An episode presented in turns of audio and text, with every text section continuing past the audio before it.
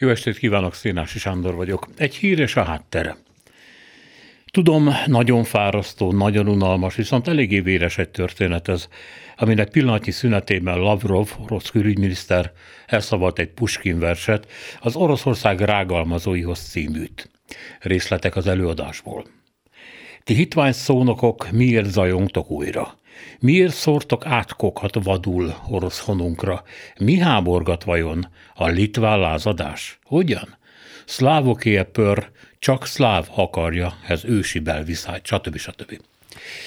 Oké, okay, ha a szláv testvérek tehát egymást ölik, az pusztán családon belüli erőszak, vagyis magánügy, mármint P. szerint, aki a litvánok lázadását, amely éppen a vers megírásának évében, tehát 1831-ben tört ki az orosz gyarmatosítókkal szemben, e tekintetben bagatelnek tartja, mint egy a szláv pör melléktermékének, ja, olykor hullik a férgese.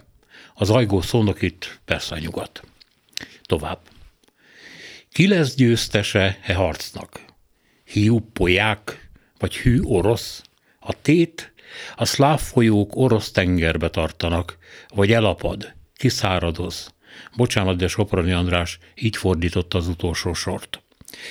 A dolognak tehát úgyis az a vége, folytatja tovább P. Mester, hogy a nemzeti érzéseikkel, önállóságukkal hivalkodók vagy eloroszosodnak, vagy megszűnnek létezni, ami hát lássuk be nem egy nagy alternatíva ám másnak ehhez sincs köze, tehát mondjuk a hiú polyákon hatványozottan végrehajtott családi erőszak kizárólag Oroszország dolga, valahogy úgy, ahogy a vadász dolga a puskacső elé kerülő fácán esete.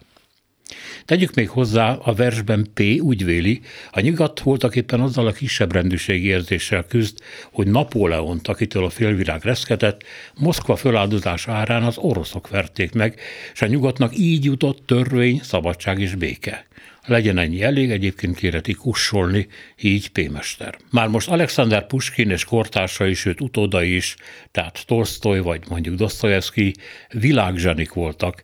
Egyben birodalmi írók és költők, akik még nem tudták, hogy az ő globalizmusuk, a pánszlávizmusba beletekert orosz nacionalizmus akkorát bukik majd, hogy kénytelen lesz egy másfajta globalizmust hirdető, de hasonlóan messianisztikus hatalomnak átadni a helyét aminek a dettó orrásése után a mai orosz elit azt hiheti, megint ezt a Puskin verset kell szavalniuk, hogy megint szólhat a régi nóta a szláv testvérekről, a nyugat megmentendő lelkéről, és a kicsit náci, nagyon sátánista, vagy fordítva poják, illetve most éppen ukrán nikkelbolhákról, akik vagy elpattannak, vagy hű oroszként ugrándoznak tovább.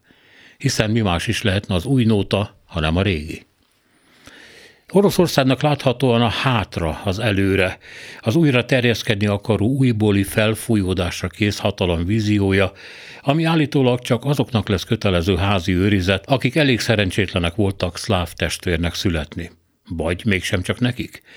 Már Puskin említi a litvánokat, de Tolstoy is olyan népként, mint ami nem számít, vagyis járulékos vesztesség egy óriási, krisztusi küldetés oltárán mert ugye a nyugat lelkét még meg kell menteni, ha belepusztul is. Hiszen az orosz birodalmi elixír nélkül az csak apadoz, kiszáradoz.